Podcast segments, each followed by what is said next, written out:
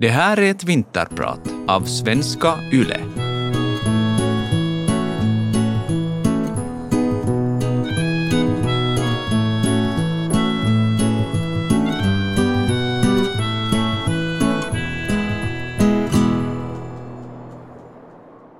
Jag går ner för de glashala trappstegen och tvekar ett ögonblick. Vinden har mojnat och små isflak guppar på vattenytan. Det är mörkt och vattnet under mig är kolsvart.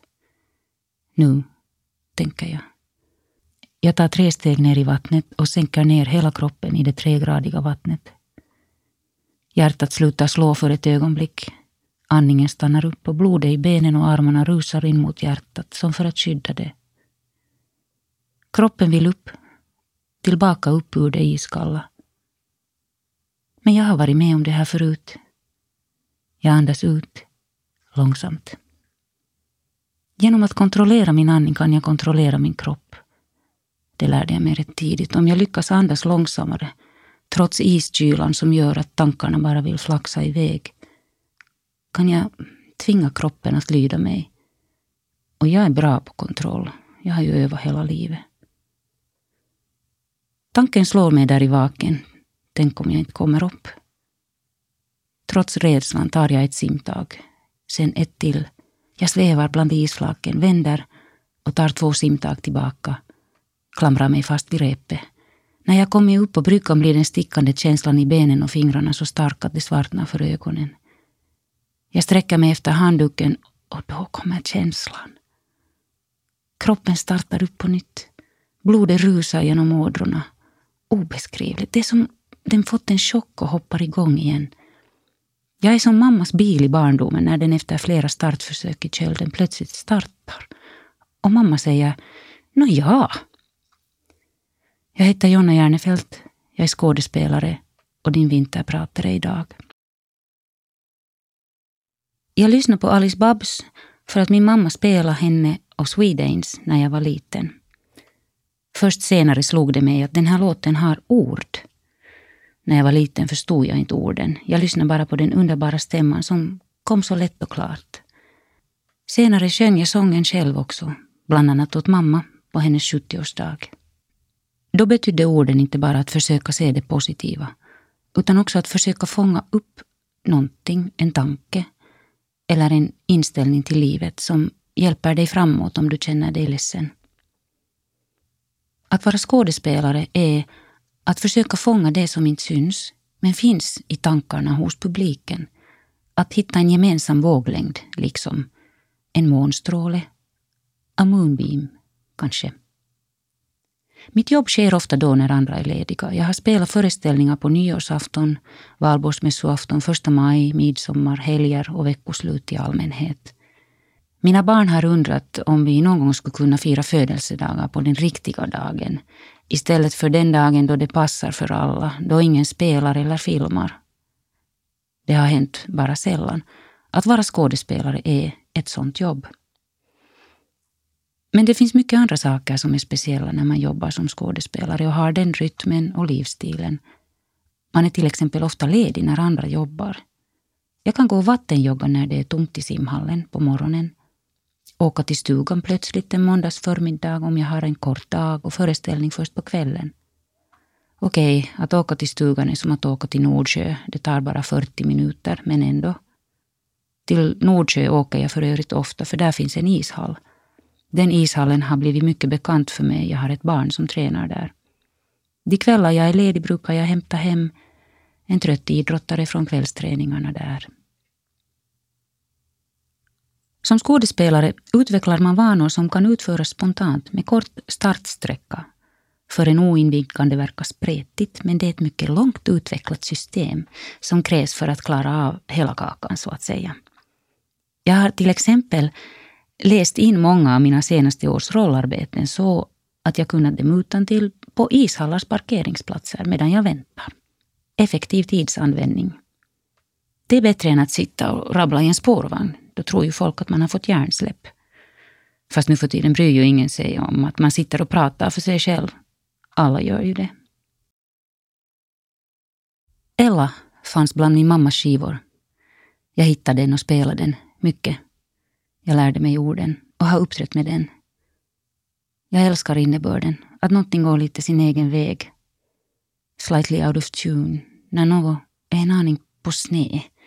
Inte helt i samma rytm som andra, eller i en spännande egen synkop. Det vill jag. Jag vill göra på mitt eget sätt.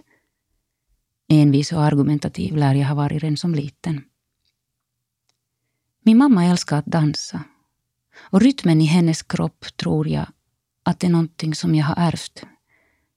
Jag älskar att känna rörelsen i kroppen, ansträngningen men också att den fungerar, att jag kan göra saker med kroppen. Den är mitt verktyg. Jag tränade hårt i många år för att bli skicklig dansare. Jag älskar utmaningen, det fysiska och disciplinerade, att kroppen lydde mig. Det blev stopp i 20-årsåldern för kroppen höll inte. Istället valde jag en annan väg. Det blev teater. Gudskelov. Jag skulle kanske ha varit tvungen att skola om mig för många år sedan om jag hade fortsatt med dansen.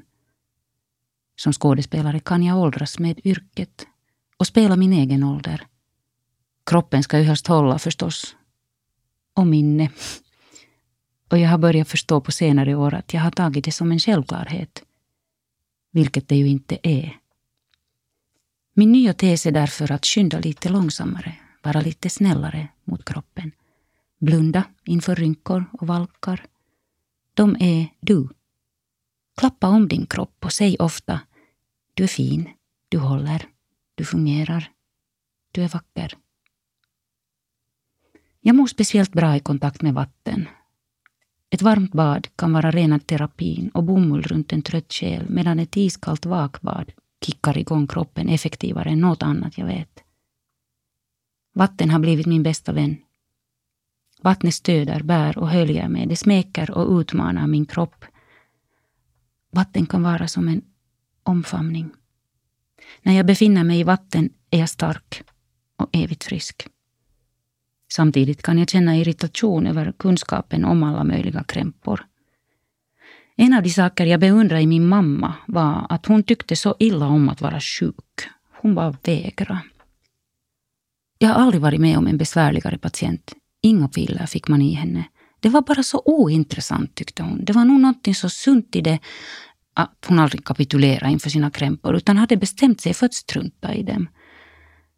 Hon hade för övrigt en lite irriterande vana att alltid småspringa. Hon kunde inte gå långsamt.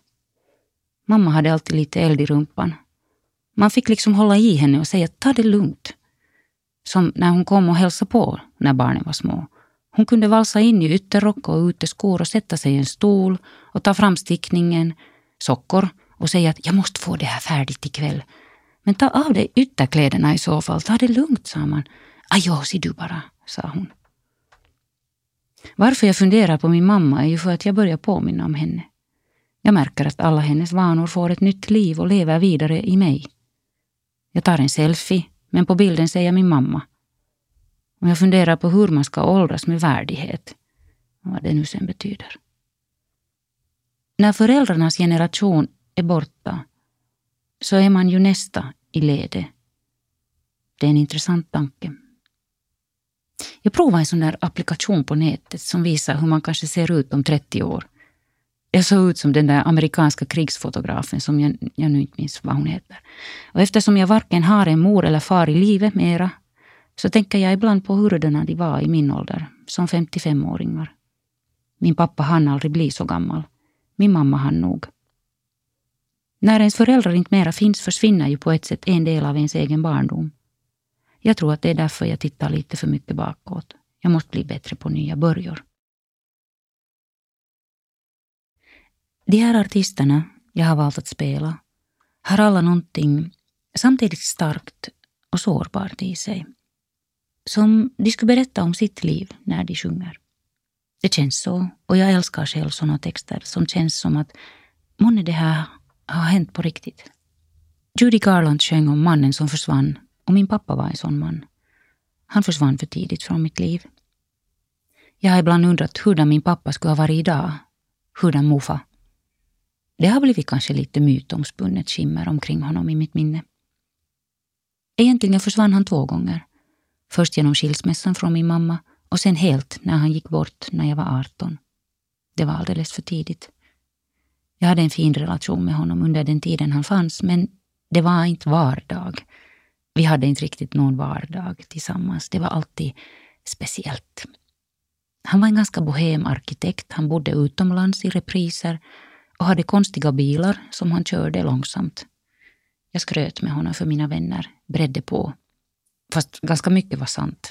Men jag ville väl vara lite annorlunda och speciell. Få till stånd en effekt. Jag växte upp i en stor och ganska spretig familj. Kärnan bestod av mamma, en stora syster och en stora bror. Så fanns min pappas nya familj med en lillabror och snart kom det en ny lillabror. I familjen fanns också morfar med en ny fru som inte var min mormor. På pappas sida fanns dessutom massor av släktingar som alla var begåvade, musikaliska och konstnärliga.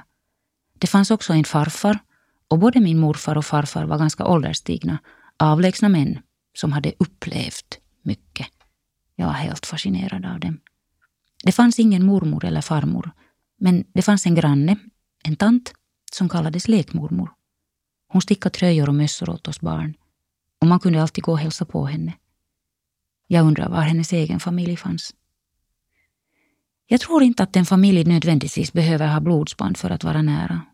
Man kan också välja sin familj och ibland kommer den till en som en oväntad gåva. Mina egna barn har under åren blivit omskötta av en stor mängd underbara, trygga människor.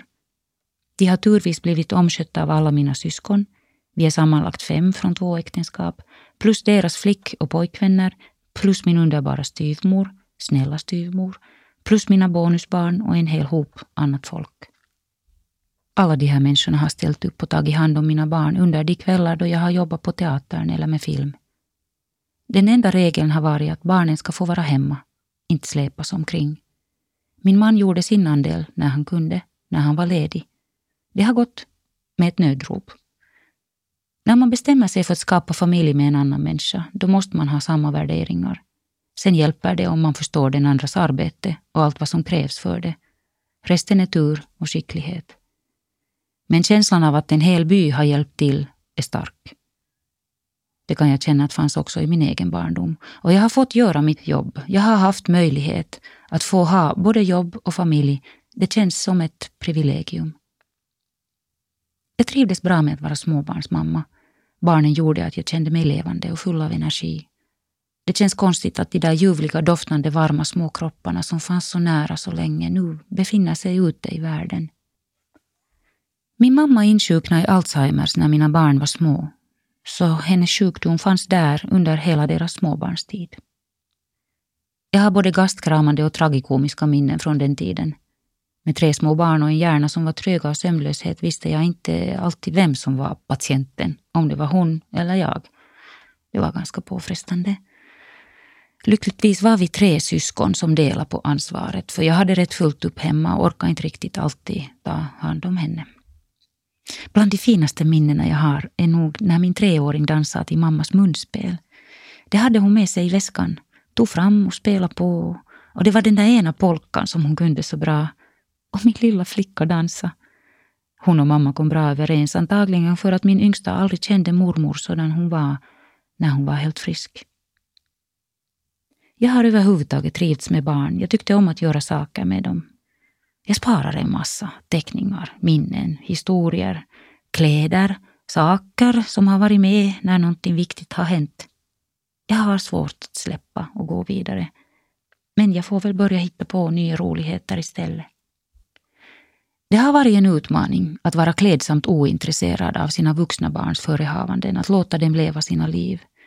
Att jag inte ska vara solen i deras universum. De ska vara solen i sitt, de har ett eget. Och jag får hälsa på där, men ska respektera deras gränser och vara känslig för dem. Och inte behöver de heller veta allt om mig. Det hjälper att tänka hur man skulle ha velat ha det med sin egen mamma. Jag heter Jonna Järnefelt och jag är din vinterpratare idag. När barnen var små fanns det ändå stunder när jag kunde bli helt galen av att aldrig ha någon egen tid. Jag kunde drömma om att gå på kaffe ensam. Om att sitta och bara stirra ut i luften eller att kunna sätta mig ner och skriva någonting. öva en sång eller bara sitta i ett hörn och läsa i fred. Men nu, nu när jag har den tiden så vet jag inte riktigt vad jag ska ta mig till med den. Vem är jag när jag inte behövs? Det är ju roligt att slinka iväg från plikter och vara olydig, men det förutsätter att någon förväntar sig att du gör färdigt det du har åtagit dig. Plötsligt när barnen är stora kan man lämna odiskat och obäddat och otvättat efter sig och ingen bryr sig. När det bara är ens egna saker som ligger och skräpar i högar och det ligger kläder på stolskarmarna. Är det sån här jag är, kan jag fråga mig. Don't shit where you eat heter det ju. Att städa och hålla rent handlar om att hålla sig frisk. Med småbarn är det viktigt. Fast min mamma sa också att eh, en tesked skit per dag gör gott åt ungar, de hålls friska. Nåja, kanske inte bokstavligt. Så att städa köket och badrummet är väl det viktigaste. Jag minns när jag läste en antologi om att vara mamma, Rapport från planet mamma. Då släppte det lite. Den är slutsåld överallt. Det berättar kanske om angelägenhetsgraden. Det var så befriande att inse att alla inte fejar dygnet runt. Att barn blir fina människor fast disken står och dammråttorna yr. Tveksamt. Är det okej okay att lämna obäddade sängar och klädhögar? Varför blev min värld sån att det hade betydelse?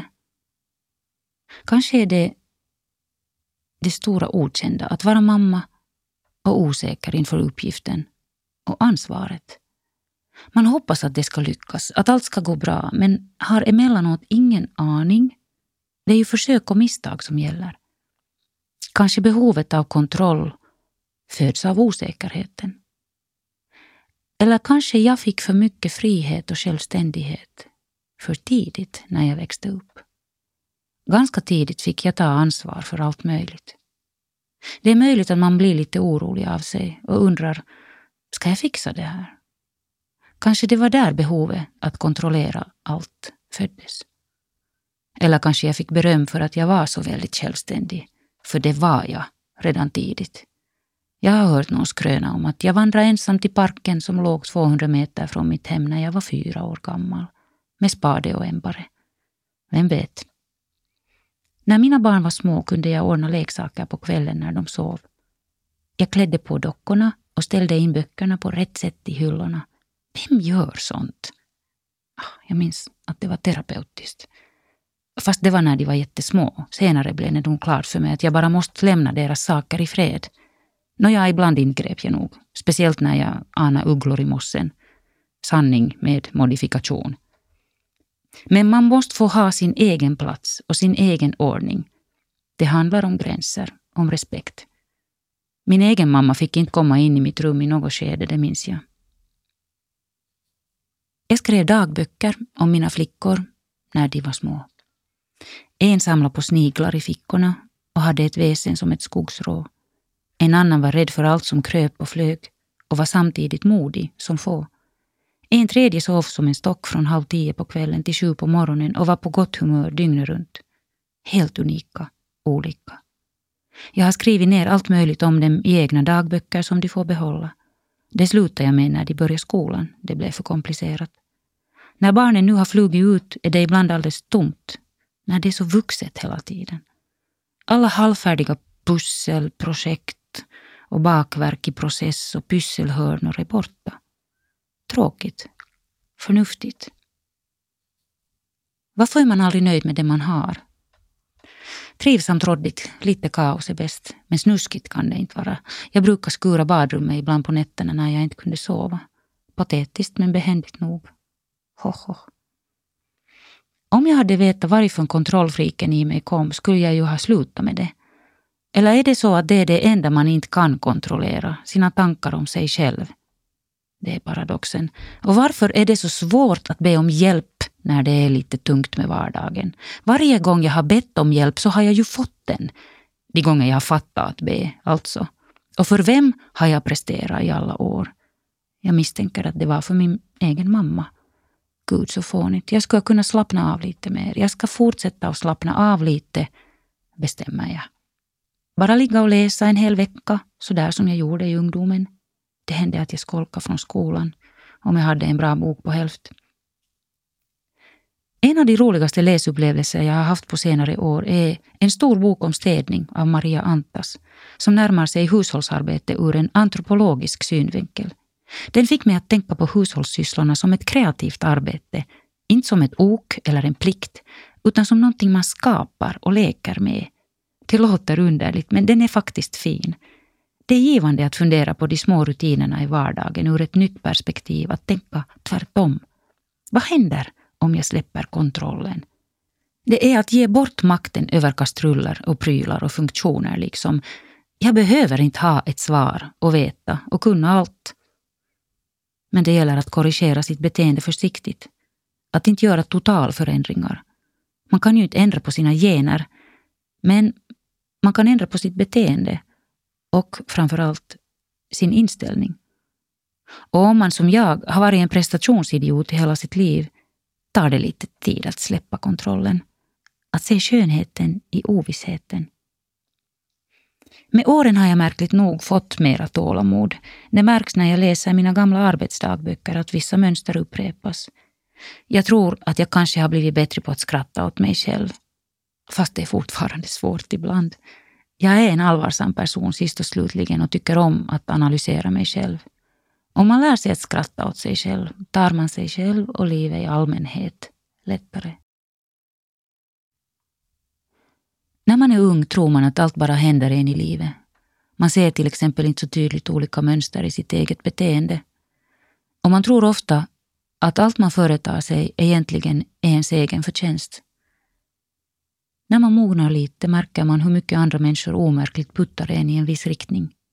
Både på gott och ont. Sen måste man välja i vilken riktning man åker. Som skådespelare är det tydligt att man ser upp till vissa och beundrar dem och blir påverkad av dem. Jag hade fantastiska kvinnliga förebilder på teatern och de pratade med mig som med en jämlik. Det fanns ett drag av tålamod hos de här kvinnorna. De hade familj och karriär och de verkade ha ett hum om hur man kombinerar dem. Det var nämligen nog min plan hela tiden. Jag har alltid vetat att jag vill ha familj. Om inte annat så för att på nytt få uppleva vissa saker som var roliga i min egen barndom, men nu tillsammans med egna ungar. Jag visste hur det var att växa upp i en stor familj, men när jag började jobba på Lilla Teatern i Helsingfors i slutet på 80-talet blev jag också en del av teaterfamiljen. Det var en helt ny känsla. På Lillan hittade jag inte bara teaterfamiljen utan också min egen. Min man var min arbetskamrat och sen blev vi ett par. Vi spelade ofta och mycket och det var på Lillan jag kände att sången blev allt viktigare. Att det fanns så fina texter att sjunga, nya underbara visor och teatermusik. Det var en helt ny värld för mig. Jag ville redan då göra sångkvällar, samla alla möjliga sånger under ett tema. Eller skriva själv, försiktigt. Min första sångtext hette Farfar och den var med i ett sångprogram som hette Vågar du stanna, som jag gjorde på Piccolillan, Lilla Teaterns lilla scen. Så småningom blev jag mamma och det blev knepigt att hinna med allt jag ville göra. Efter tolv år på Lillan tog jag först tjänstledigt och blev så småningom frilanser när jag började få film och tv-jobb. Det var lättare att kombinera med familjevardagen. Och jag fortsatte att göra teater också, alltid när det erbjöds en möjlighet. Jag älskar teater. Det är någonting helt magiskt och svårt att förklara. Det som händer under en föreställning. Det är en växelverkan mellan scen och publik där vi berättar och ni lyssnar och reagerar. Ibland kan man vara så nervös att man inte hör annat än sitt eget hjärta som bultar. Och det behövs bara en ensam liten reaktion från publiken, en inandning, ett litet skratt och så är man plötsligt säkrare igen. När jag var ung kunde det räcka med en kvävd gäspning eller en suck för att välta mitt hårt uppbyggda självförtroende. Jag var rädd att ingen skulle orka lyssna eller se på mig. Att publiken skulle gå hem. Därför sa jag mina repliker för snabbt. Jag vågade inte hålla en enda paus. Och pauserna är viktiga. Det är en underbar känsla när man plötsligt vågar vara tyst och hålla en paus på ett givet ställe. Det låter kanske enkelt, Men det är det svåraste, att lära sig när en paus håller och när den inte gör det. Jag är nog fortfarande nervös ibland. Det är lite överraskande med tanke på hur många år jag har jobbat som skådis. Men det tar sig andra uttryck. Jag kanske forcerar lite, blir onödigt snabb eller okänslig i relation till motspelarna. Det är det största misstaget man kan göra, att tro att man måste klara av allt ensam. Man öppnar sig för sina motspelare och på riktigt lyssnar på vad de har att säga, så får man energi och närvaro och framförallt äventyret kan delas med någon. För det är alltid lite äventyr när man spelar teater. Allt möjligt kan ju hända, och händer. Som alltid när det handlar om levande varelser så händer det saker ibland, fast allt är överenskommet och inövat. Det är märkligt med teater hur man anpassar sig och förändras på scenen. Jag har spelat teater i feber, illamående, trött och sjuk. Det är också ett äventyr. Då är stämningen märklig. Alla hjälper och ser till att du klarar det. Teaterfamiljen håller ihop och stöttar dig. Jag har en gång kastat upp mitt i en föreställning. Jag har varit så illamående på grund av graviditet att jag knappt kunnat gå. Men när adrenalinet kommer igång blir man friskare och starkare. Små flunsor kan också försvinna om man bara inte låtsas om dem och spelar ändå. Men det här ska man ju inte sporta med. Det finns gränser. Jag har inte inhiberat en föreställning mer än några gånger. En gång när jag blev akut ryggopererad och var sjukledig i tre veckor och en gång när jag hade 40 graders feber. Så här har jag också varit prestationsidiot. Men det är vanligt hos skådespelare. Vi hatar att ställa in en föreställning.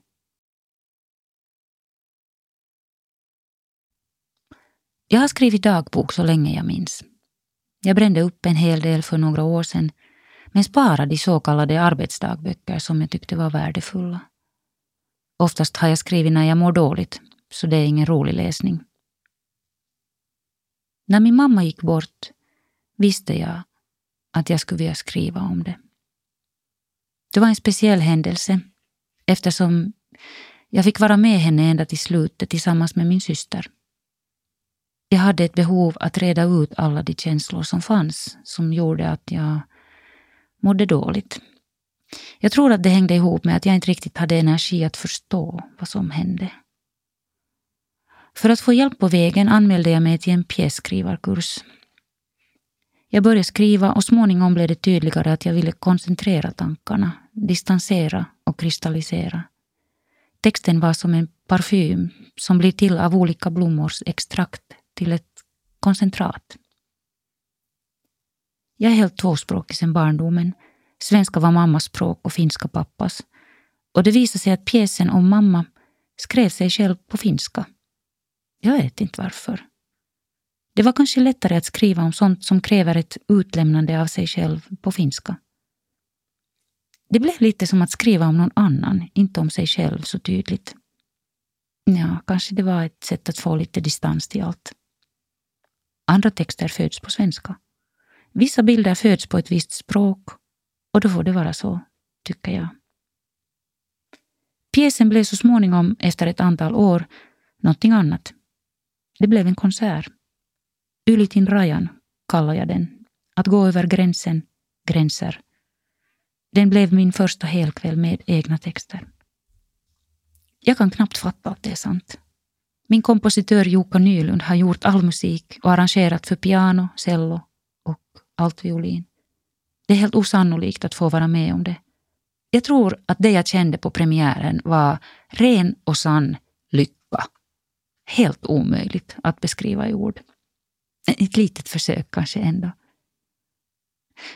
Lycka kan kännas som ett sug i magen eller en stilla förundran. Vad händer nu? Och den frågan är inte orolig, utan nyfiken. Praktisk. Som ett ögonblick då man vågar stanna och lyssna hur det låter inne i huvudet. Att alla känslor är helt i balans just nu. Glädje, sorg, saknad, förväntan, rädsla, osäkerhet, säkerhet, dofter, blickar i andras ögon. Allt är bara bra en stund. Jag sa tidigare att jag älskar vatten. Och speciellt mycket älskar jag simhallar. Jag har som vana att hitta en simhall på olika orter där jag ska arbeta en tid eller stanna ett tag. Jag vattenjoggar och simmar ibland också. Men det där med vatten är faktiskt min grej. Jag hittade min kärlek till simhallen på allvar för cirka 15 år sedan på grund av återkommande ryggproblem. För mig är det både en form av fysisk träning som fysioterapi och om man nu kan kalla det samtalsterapi. Jag går dit med en kompis, en barndomsvän. Och det är total närvaro. I vattnet kan man inte vara uppkopplad till annat. Man är där. Helt närvarande. Man möts. Dessutom älskar jag känslan jag har efter ett vattenjoggingspass. Vi samlar alla på oss en massa bucklor och knölar och bekymmer under dagen. De blir kvar i vår kropp, som får bära alla våra känslor. I vattnet retar allt ut sig.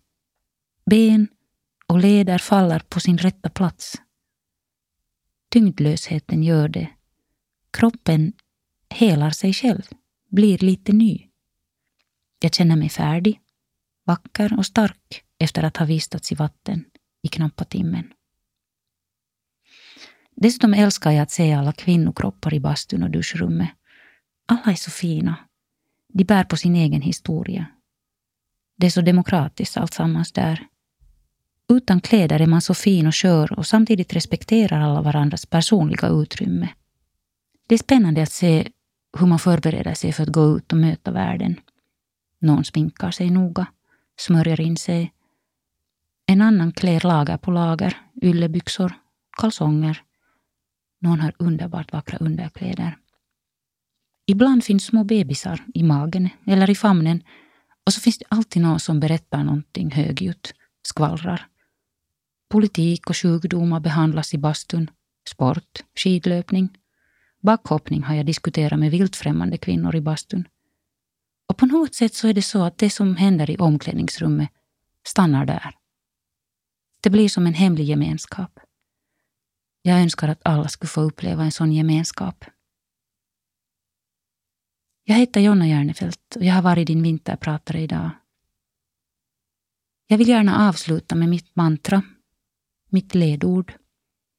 Det är det finska ordet arki, vardag. Jag försöker hylla vardagens skönhet och uppmärksamma de små sakerna som man kan påverka för sin egen trivsel och glädje. Jag har en kompis som alltid köper en blombukett på fredag hem till sig. Så organiserad är jag inte. Men jag kan ordna om möblerna så det plötsligt blir en ny synvinkel på rummet. Det är en favoritsysselsättning, att ordna om i rummet. Man kan ta fram det vackraste porslinet på en måndag eller klä sig i festklänning fast det regnar. Det ska man göra, tycker jag. Vad är det som hindrar en från att se det fina och vackra omkring sig? Det hjälper att slita sig från pekplattan eller telefonen och istället bara sitta och stirra i taket. Låta tankarna skölja över en. Det funkar också att lägga sig på golvet med benen upp mot väggen och byta synvinkel på det sättet en stund. Eller gå ner för trappan baklänges. Också små förändringar hjälper hjärnan att hicka upp en ny tanke. En som har funnits där hela tiden, men samtidigt är helt din egen.